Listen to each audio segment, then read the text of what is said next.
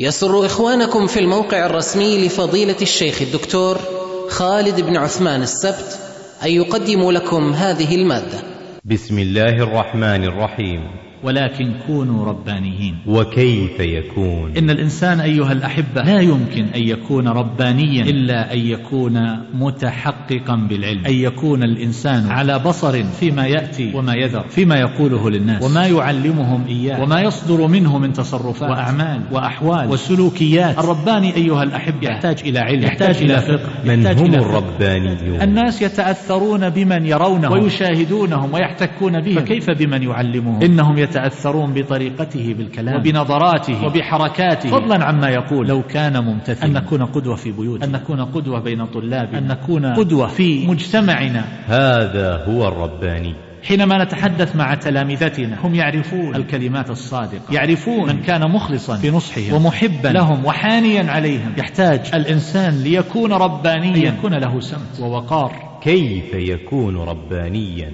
منطلقه في ذلك. اعتقاد الرأس. وإيمان ثابت بالله عز وجل. وبصر. وعلم. ومعرفة. بما جاء به الرسول صلى الله عليه وسلم. الرباني. يكون مرجعا الرباني. له. يقصدونه. إذا نابتهم النوائب. ووقعت الكروب. فيجدون عنده الرأي السديد. والبصر النافذ. بحيث تتضعضع الأقدام. وتطيش السهام. ويتخبط الناس. هؤلاء هم الربانيون. كان يقول والله سيأتي رجال هم في أصلاب آبائهم. ينتفعون بهذه والخليفة يقول له قل كلمة يا أحمد. أجد لك فيها مخرجا. كلمة واحدة. أجد لك فيها مخرجا. فأكرى نفسه من الجمال. الإمام أحمد يشتغل أجير عنده يحطب. الإمام أحمد إمام الدنيا. عزيزة نفسه. ما يتطلع إلى ما في أيدي الناس. ما يكون نظره إلى الكبراء والتجار وأصحاب الثروات من أجل أن يحظى بشيء من أموالهم. نفسه عزيزة. درجات الربانيين. منهم من يكون كالشمس. ومنهم من يكون كالنجم. ومنهم من يكون كالسراج. ومنهم من يكون دون ذلك كالشمعة ومنهم من لا أثر له. ومنهم من لا أثر له.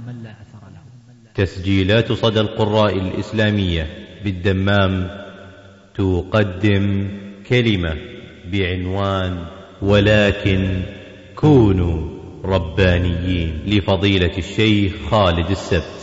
بسم الله الرحمن الرحيم. الحمد لله رب العالمين والصلاة والسلام على أشرف الأنبياء والمرسلين نبينا محمد وعلى آله وصحبه أجمعين. أما بعد فيقول الله تبارك وتعالى ما كان لبشر أن يؤتيه الله الكتاب والحكم والنبوة ثم يقول للناس كونوا عبادا لي من دون الله ولكن كونوا ربانيين بما كنتم تعلمون الكتاب وبما كنتم تدرسون. وحديثنا أيها الأحبة في هذه الليلة عن قوله تبارك وتعالى ولكن كونوا ربانيين بما كنتم تعلمون الكتاب وبما كنتم تدرسون. فالله جل جلاله في هذه الآية يبين أن هذا من المطالب التي ينبغي على أصحاب العلم وممن يعلمون الناس الخير أن يتصفوا بها وأن يتحققوا من ذلك في نفوسهم. ولكن كونوا ربانيين. نحن أيها الأحبة نفقد كثيرا من آثار ما نقدمه لأبنائنا وما نقدمه لطلابنا وما نقدمه لعموم المسلمين في خطب الجمعة وفي الدروس وفي المحاضرات وما ذلك والله تعالى أعلم إلا لنقص في تحقيق هذا المعنى غالبا. ولكن كونوا ربانيين. إن الإنسان أيها الأحبة لا يمكن أن يكون ربانيا إلا أن يكون متحققا بالعلم وعلى قدر رسوخه فيه على قدر ما يكون له من أصول هذا المعنى الكبير وعلى قدر ما يتحقق له من الأوصاف الكاملة التي تؤهله للربانية. فالربانية أيها الأحبة منسوبة إلى الرب كما قال طائفة من أهل العلم ومن معاني الرب أنه المربي الذي يربي خلقه وعباده بالنعم الظاهرة والباطنة. يربي أبدانهم منذ نشأتهم ينقلهم من طور إلى طور وهم في بطون أمهاتهم. ثم بعد ذلك إذا خرجوا إلى هذه الحياة فإنهم يتنقلون من طور إلى طور كذلك.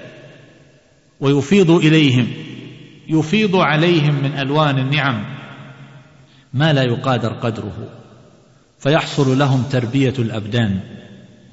ويرسل إليهم الرسل عليهم الصلاة والسلام فيعلمونهم كل ما يحتاجون إليه وينزل عليهم الكتب التي تتضمن أسباب هدايتهم وما يحتاجون إلى بيانه فتكون هادية للتي هي أقوم. فهذا من معاني تربيته تبارك وتعالى لخلقه.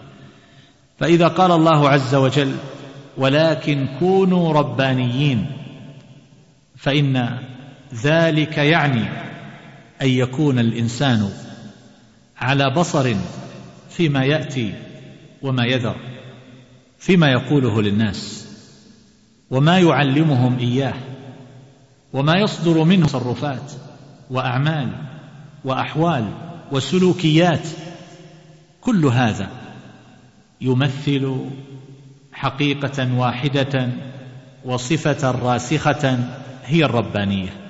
الإنسان الذي يكون جاهلا لا يعرف دين الله عز وجل ولا ما بعث الله به رسوله صلى الله عليه وسلم فإنه لا يكون ربانيا لأن الذي يربي على طريقة صحيحة ومنهاج مستقيم لا بد أن يعرف الطريق. التي رسمها الله عز وجل لعباده من أجل سلوكها وهو بحاجة إلى معرفة الأولويات كما أنه بحاجة إلى معرفة أحوال الناس وما يحتاجون إليه في كل مرحلة من مراحل أعمارهم وفي كل طور من أطوارهم وفي كل أوضاع وأحوال وظروف تمر بها مجتمعاتهم. فهو يتحدث مع كل قوم بما يصلح لمثلهم ولا يتحدث حديثا فوق قدرهم بحيث لا يفهمونه أو لا يتوصلون إلى معرفة مراميه ولا يتحدث عن أمور لا يتمكنون من فعلها ولا تطبيقها فهي خارجة عن قدرتهم العملية. وقواهم التي أعطاهم الله عز وجل إياها. ما أنت بمحدث قوما حديثا لا تبلغه عقولهم لا تبلغه عقولهم إلا كان لبعضهم فتنة. الرباني أيها الأحبة يحتاج إلى علم يحتاج إلى فقه إلى فقه بما أنزل الله على رسوله صلى الله عليه وسلم وإلى فقه في التعليم. إلى فقه في الدعوة إلى الله عز وجل إلى فقه في التعامل مع الناس. ليس كل ما يعلم يقال.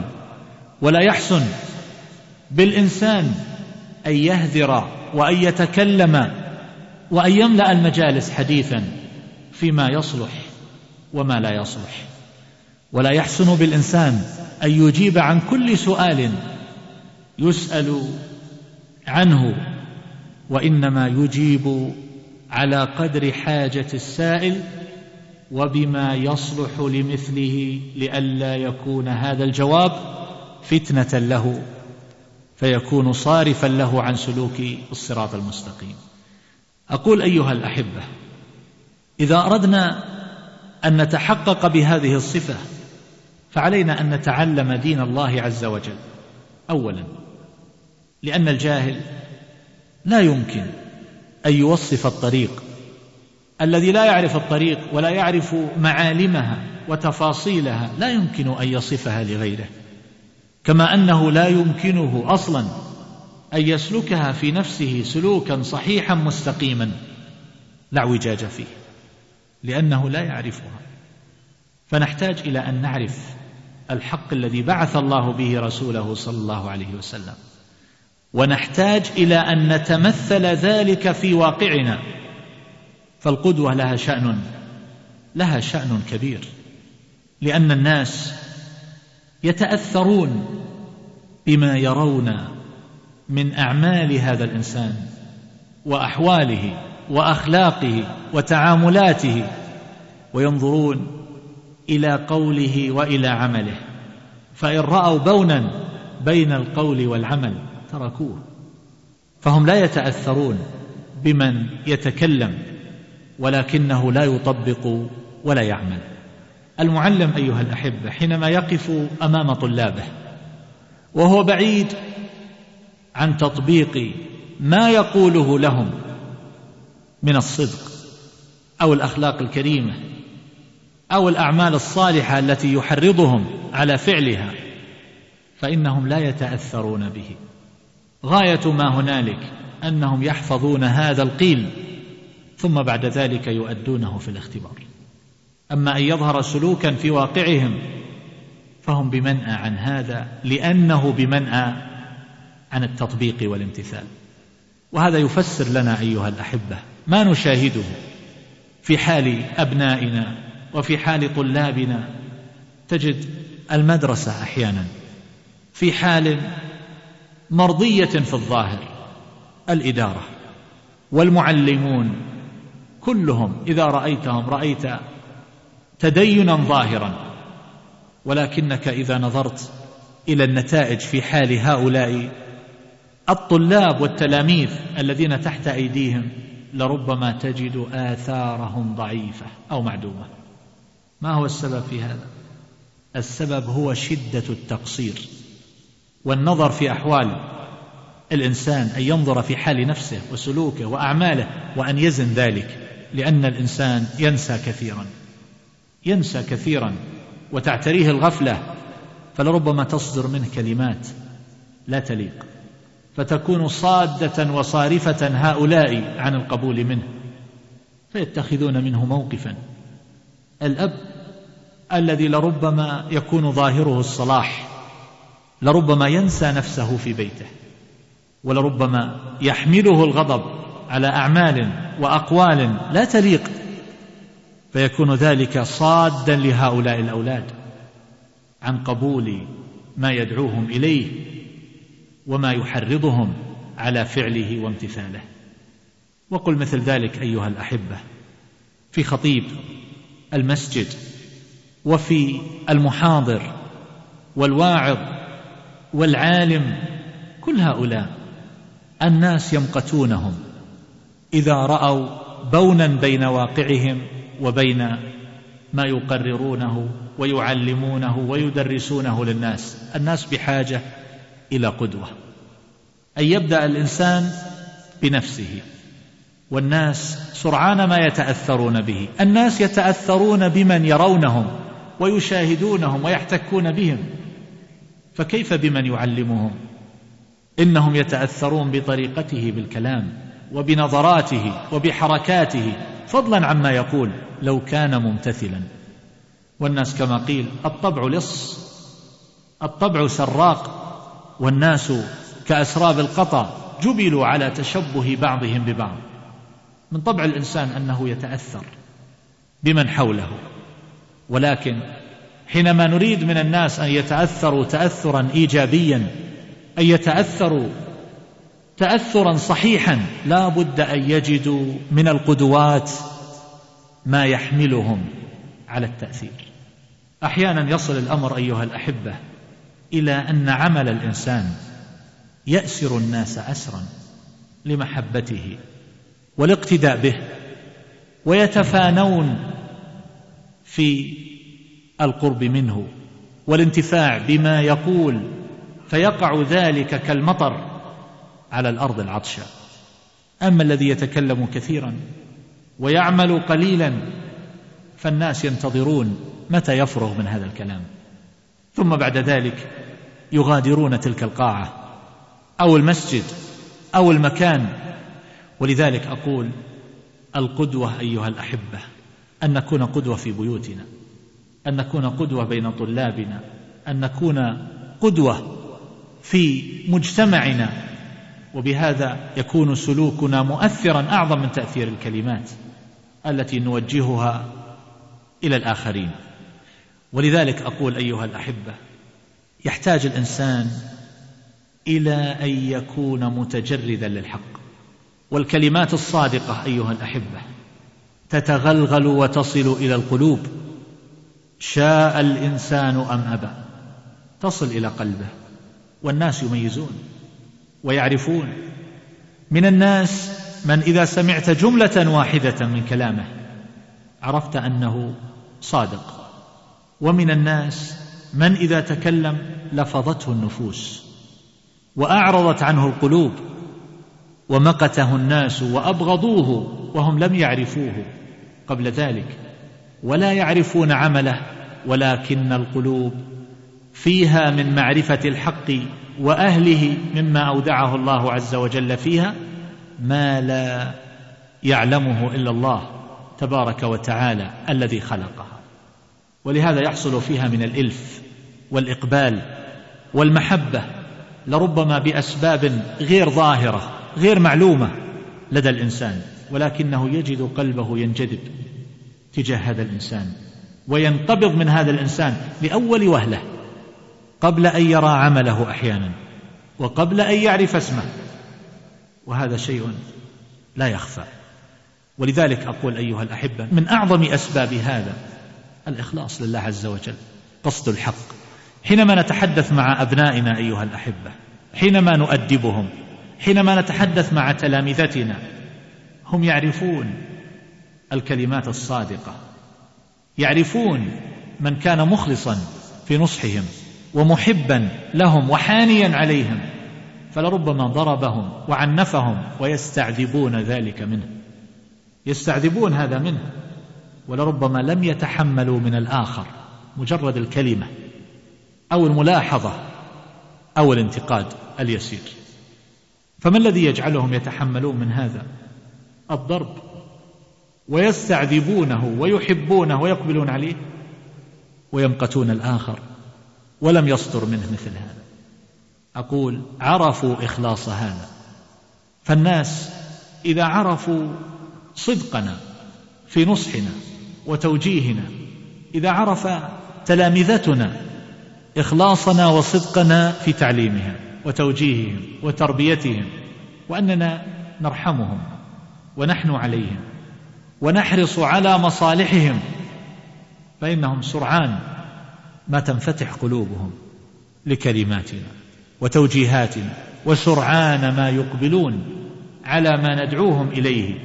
لكن حينما تكون القضية مجرد وظيفة أو مهنة أو شيء يلقيه الإنسان عن كاهله ليتخلص من التبعة أو حينما يفعل الإنسان ذلك من باب التشفي فيؤنب ويعاتب ولربما يضرب وهو يجد تشفيا في داخل نفسه فإنه يفعل ذلك لحاجة في نفسه لا يفعل ذلك من أجل هؤلاء. ولذلك أقول أيها الأحبة ينبغي على الإنسان أن يكون صادقا مخلصا متجردا يقصد النصح والحق ويطلبه في أحواله كلها.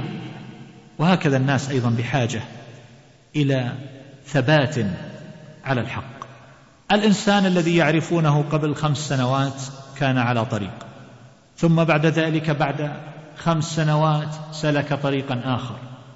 ثم بعد خمس سنوات سلك طريقا آخر. فهو متقلب متذبذب في كل حال وفي كل ظروف يبدو لهم بوجه جديد. فمثل هذا يكون أضحوكة. والناس لا يقبلونه ولا يمكن أن يكون هذا إماما لهم في العلم والدعوة إلى الله تبارك وتعالى وإنما يكون راسخا في الطريق ثابتا عليه لا يلتفت يمنة ولا يسرة ولا يتذبذب. إن الذين يتضعضعون أيها الأحبة في أوقات الفتن وحينما تقع الكروب والشدائد وتتحول الأحوال فيتحولون معها إن هؤلاء لا يمكن أن يكونوا أئمة يقتدى بهم ولا أن يكون هؤلاء مؤثرين حقيقة لكن يمكن للواحد من هؤلاء أن يكون خطيبا ولكن ذلك لا يعني أنه يكون مؤثرا. وهكذا أيها الأحبة يحتاج الإنسان ليكون ربانيا أن يكون له سمت ووقار. أما الذي يفتقد ذلك فإنه يفتقد أمرا مؤثرا لأن الناس ينظرون إلى هذه القضايا ولها قيمة واعتبار في شرع الله عز وجل. والنبي صلى الله عليه وسلم أخبر أن حسن السمت التؤدة والسمت الحسن والوقار جزء من أربعة وعشرين جزءا من النبوة. والأنبياء عليهم الصلاة والسلام من أحسن الناس سمتا. وأكثرهم وقارا. وذلك سيما الصالحين. فحينما يبدو الإنسان أمام أبنائه أمام زوجته أمام تلامذته أمام المجتمع بصورة مهزوزة يتصف بشيء من الخفة فمثل هذا لا يصلح أن يكون قدوة. فالناس يجترئون عليه. ولربما حمل علما كثيرا إلا أن الناس يعاملونه كأحدهم فيتطاولون عليه بكلامهم. ولربما اجترأوا عليه بألوان المزاح التي لا تصلح مع الصغار فضلا عمن يحمل علما كثيرا. وقد رأيت بعض من يتذمر من الناس ومن سوء صنيعهم معه ومن اجترائهم عليه ولكنه لم يتفطن إلى أن سبب هذا هو أنه متبذل تماما لا يكون في حال من الوقار وحسن السمت إذا كان بين الناس. فهذه أمور قد يطرحها بعض الناس إما لطبعه وإما لما يتوهمه ويظنه أن ذلك يكون معينا إلى الوصول إلى قلوب الناس. وهذا فيه خط فاصل ينبغي للإنسان أن لا يتجاوزه. وإلا فإن كرامته تكون مهدرة ومنزلته تكون منحطة فلا يهرأه الناس محلا للقبول والتأثير.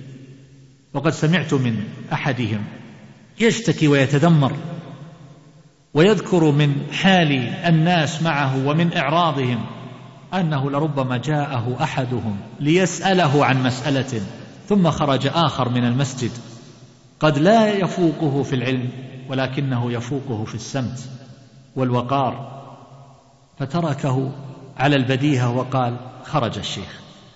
يقول وتركني حتى من غير استئذان ومن غير تلطف في الترك.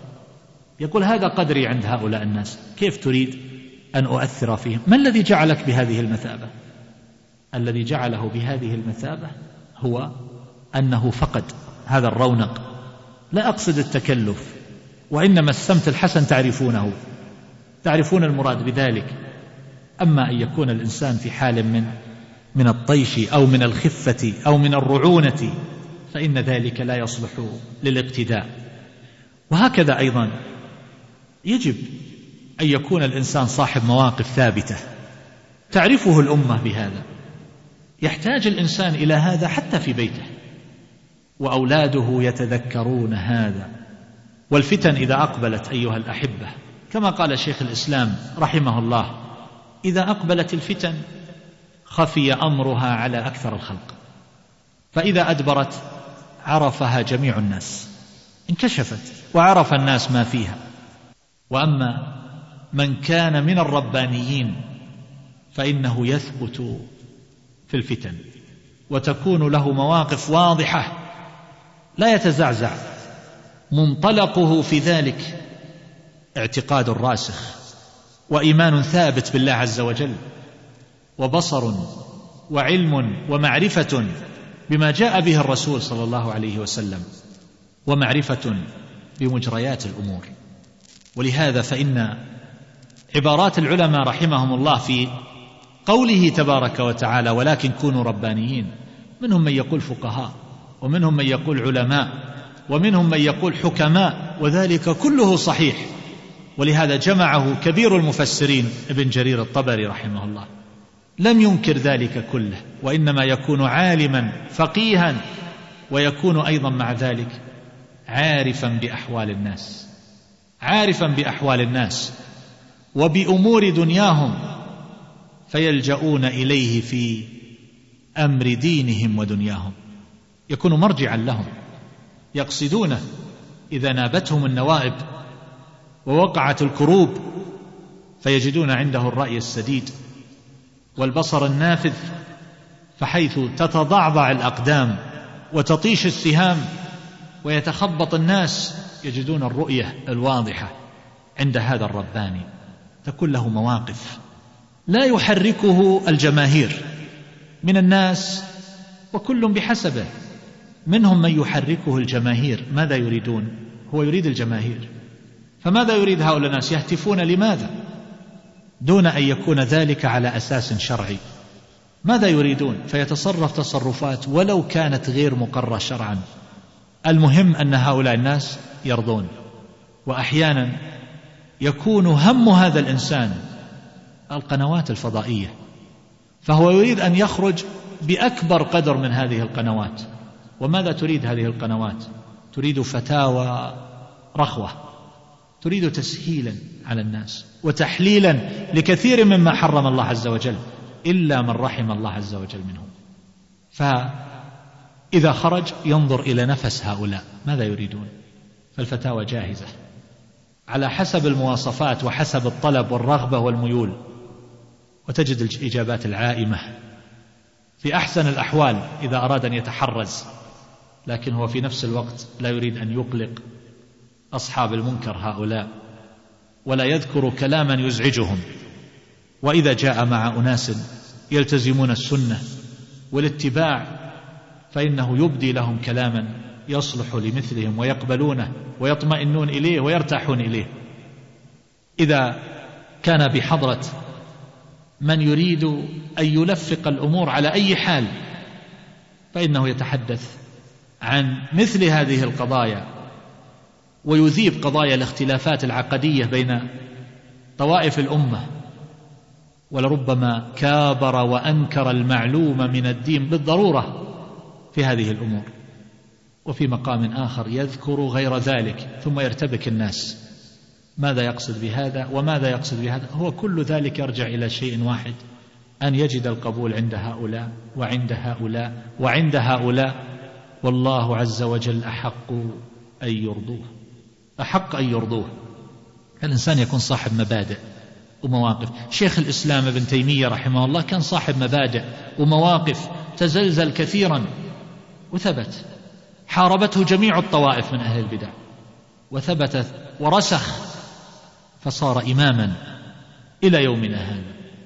وكما قال بعض من كتب إلى تلامذته يقول احفظوا كتبه مع أنها كانت تحرق في أيام حياته وتدفن وتتلف. كان يقول والله سيأتي رجال هم في أصلاب آبائهم ينتفعون بهذه الكتب. وهذا الذي حصل. الإمام أحمد رحمه الله حينما جاءت فتنة خلق القرآن وتزعزع من تزعزع وتزلزل من تزلزل منهم من ورى تورية فخلص نفسه ومنهم من أجابهم وبقي الإمام أحمد ثابتا راسخا يضرب ويجلد وهو إمام الدنيا حتى يغمى عليه ويبقى أشهرا في الحبس ويجلد أمام الخليفة ويرجف به المرجفون إمامك على رأسك قائم. وأنت صائم. والخليفة يقول له قل كلمة يا أحمد. أجد لك فيها مخرجا. كلمة واحدة أجد لك فيها مخرجا. بمعنى تحفظ ماء الوجه للخليفة. ومع ذلك يأبى ويثبت حتى تكون العاقبة له.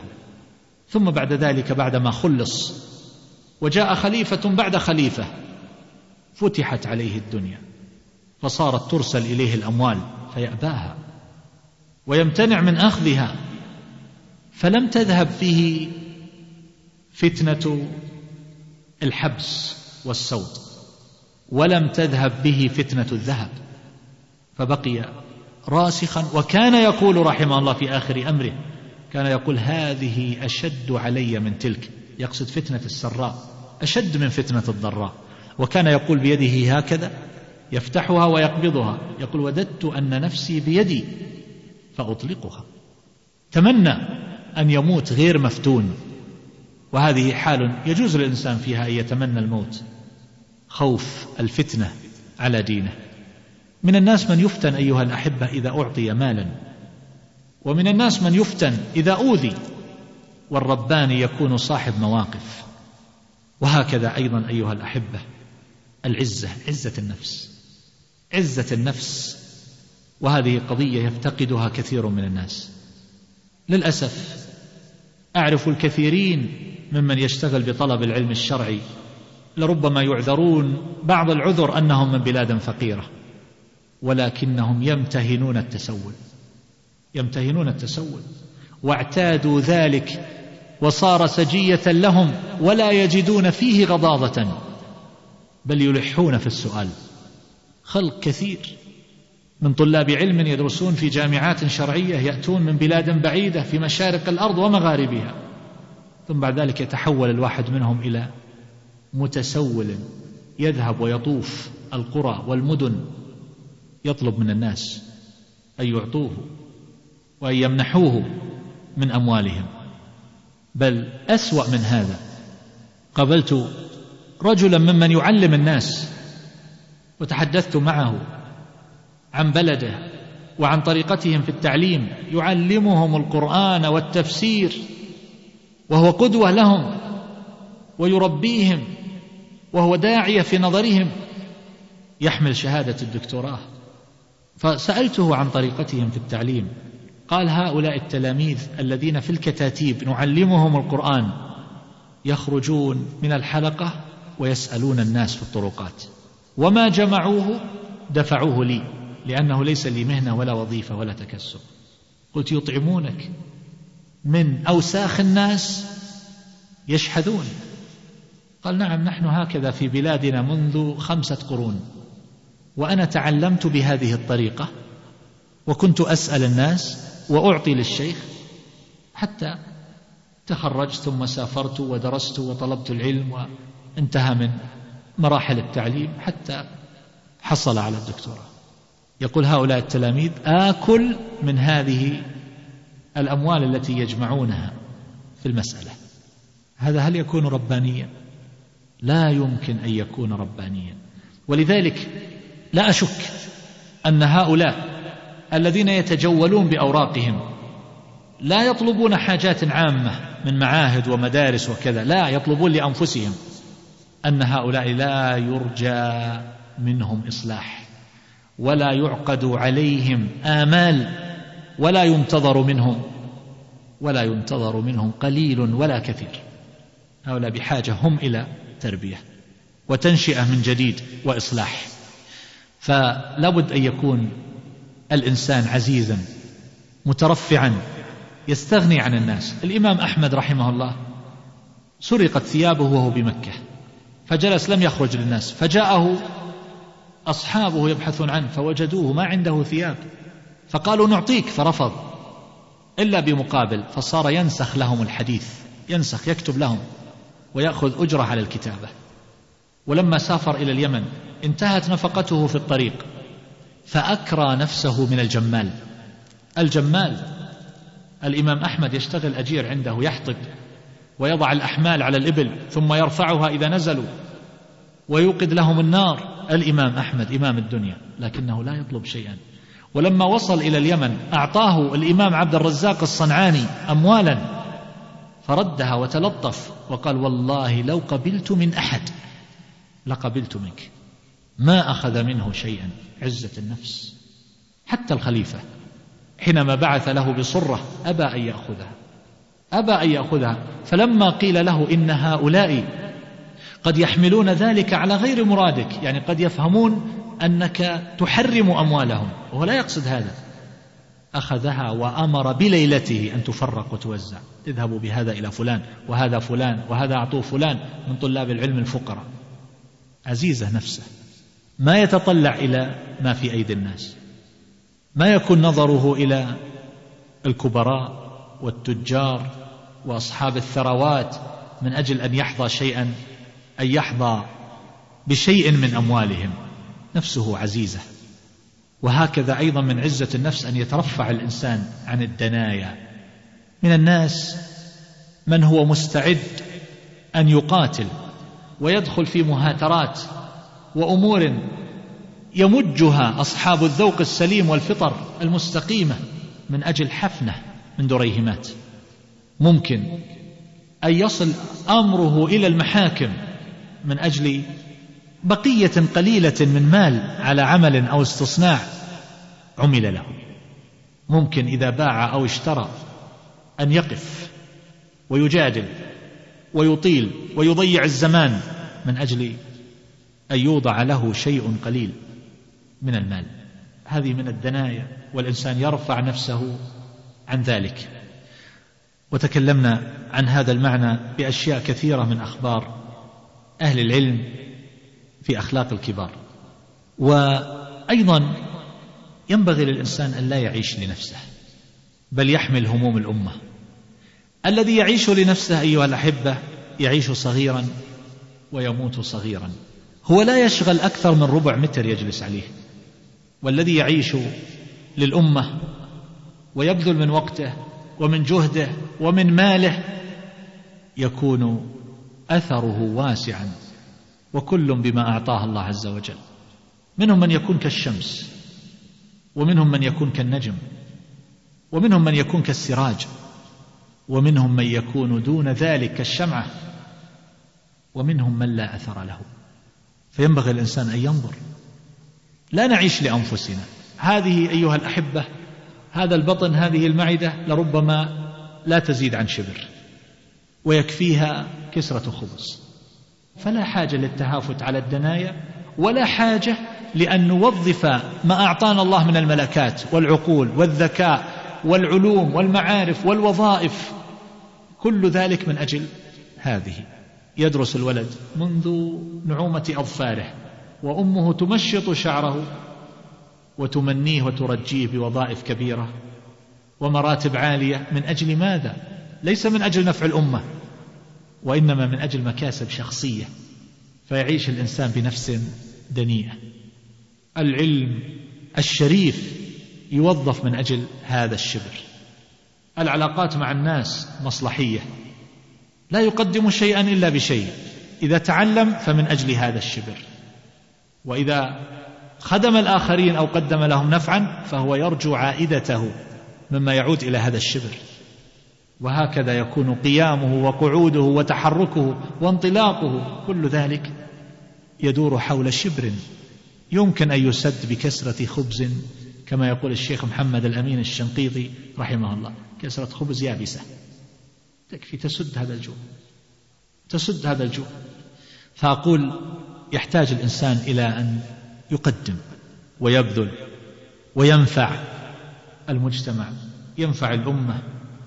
ولو كل أحد بذل شيئا من ذلك أيها الأحبة لعم النفع والصلاح والإصلاح. ولكن للأسف نجد الكثيرين يعيش لنفسه يعيش لنفسه. وهكذا أيضا أيها الأحبة نحتاج إلى همم عالية سامية رفيعة.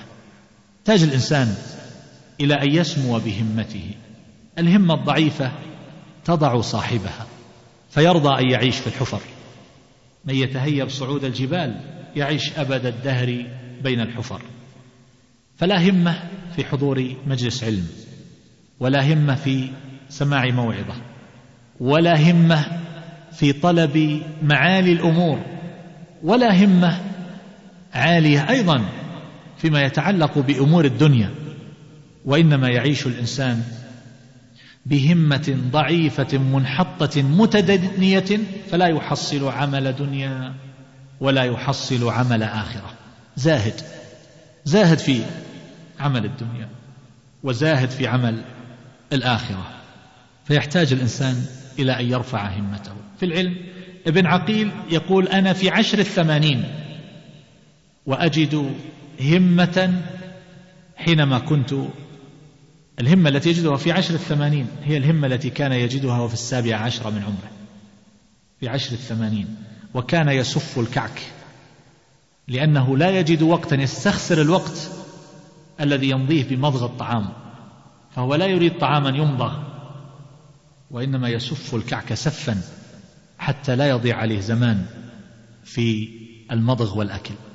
وهو في عشر الثمانين. تصور مثل هذا كم قرأ؟ إذا كان يحافظ على الوقت بهذه الطريقة. أحد المعاصرين يقول منذ ستين سنة يقول أقرأ في كل يوم ما يقرب من مئتي صفحة وإذا قل ذلك وصل إلى المئة. احسب ستين سنة أضربها بمئة وخمسين صفحة. تعرف كم قرأ هذا من الصفحات؟ وتجد من الناس من لا يكون له همة في قراءة مطوية. مطوية. فضلا عن كتيب. فضعف الهمم أيها الأحبة يقعدنا. ولذلك تجد الإنسان خاوي الوفاض. لا يحمل معارف ولا علوم وإنما هو في غاية الجهل. ويستطيع الإنسان أن يتعلم. يستطيع أن يدخل حلقة ويحفظ سورا من القرآن يحفظ أجزاء يحفظ القرآن كاملا.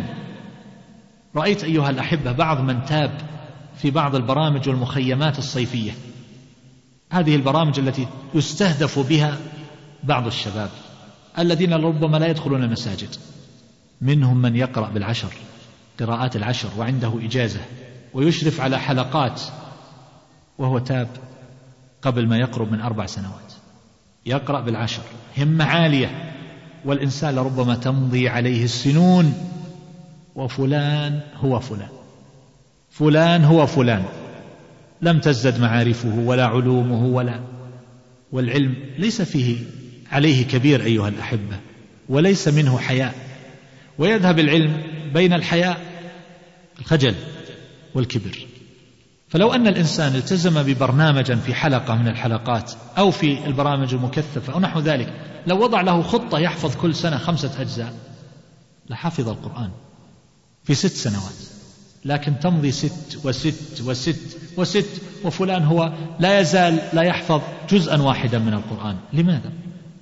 وهكذا أيضا أن يكون الخوف من الله عز وجل وحده لا شريك له وأن يعمل الإنسان بما تعلم لو أخذنا الإمام أحمد رحمه الله لما صارت فتنة القول بخلق القرآن اختفى عند ابن هانئ ثلاثة أيام ثم أراد أن يخرج فأصر عليه ابن هانئ وهو من تلامذته أن يبقى عنده فأبى وقال نحفظ الحديث ثم نخالفه؟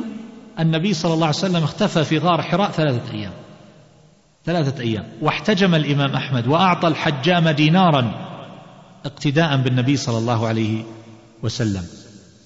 وكان الواحد منهم يقول ما حفظت حديثا إلا عملت به. ونحن الواحد في الدرس يسمع عن مسائل مثلا وجوب إجابة الدعوة في الوليمة وليمة العرس ويخرج وهو مدعو إلى وليمة عرس ولا يحضر. ما الفائدة إذا من العلم؟ تجد الإنسان يدرس صفة الصلاة وإذا نظرت إلى صلاته في المسجد بعد الدرس وجدتها صلاة من لم يدرس شيئا ولم يتعلم شيئا ما الفائدة؟ لو درس الإنسان أيها الأحبة التجويد بإتقان ثم لم يطبقه هل يكون لذلك فائدة؟ أبدا. ولذلك لا بد من العمل بالعلم ولعل يكون لنا كلمة إن شاء الله تعالى في اقتضاء العلم العمل ونذكر لكم بعض النماذج المتعلقة بهذا. وهكذا يحتاج الإنسان أيها الأحبة أيضا إلى بصيرة نافذة في الأمور. وهذه البصيرة تتكون بإذن الله عز وجل من صفاء المنبع في التلقي. كتاب السنة. السلف الصالح رضي الله تعالى عنهم. ما يخلط. والعقل الراسخ الراجح. فإذا وجد هذا مع هذا فهو كنور العين مع ضوء الشمس. وإذا حصل للعبد الصدق والإخلاص مع الدعاء والإلحاح على الله عز وجل. بصره الله تبارك وتعالى بالحق. شيخ الإسلام رحمه الله كان يقرأ في الآية الواحدة نحو مئة تفسير ويذهب إلى بعض المساجد الخربة المهجورة في دمشق ويمرغ وجهه بالتراب ويسجد ويدعو. يا معلم إبراهيم علمني ويا مفهم سليمان فهمني.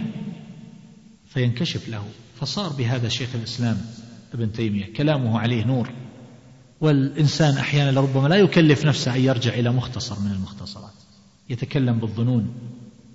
فهذا لا يليق لا سيما في زمان كثرت فيه الالتباس والفتن واختلف الناس اختلافا كثيرا وأصبح كثير منهم يتقلبون في الفتن ظهرا لبطن.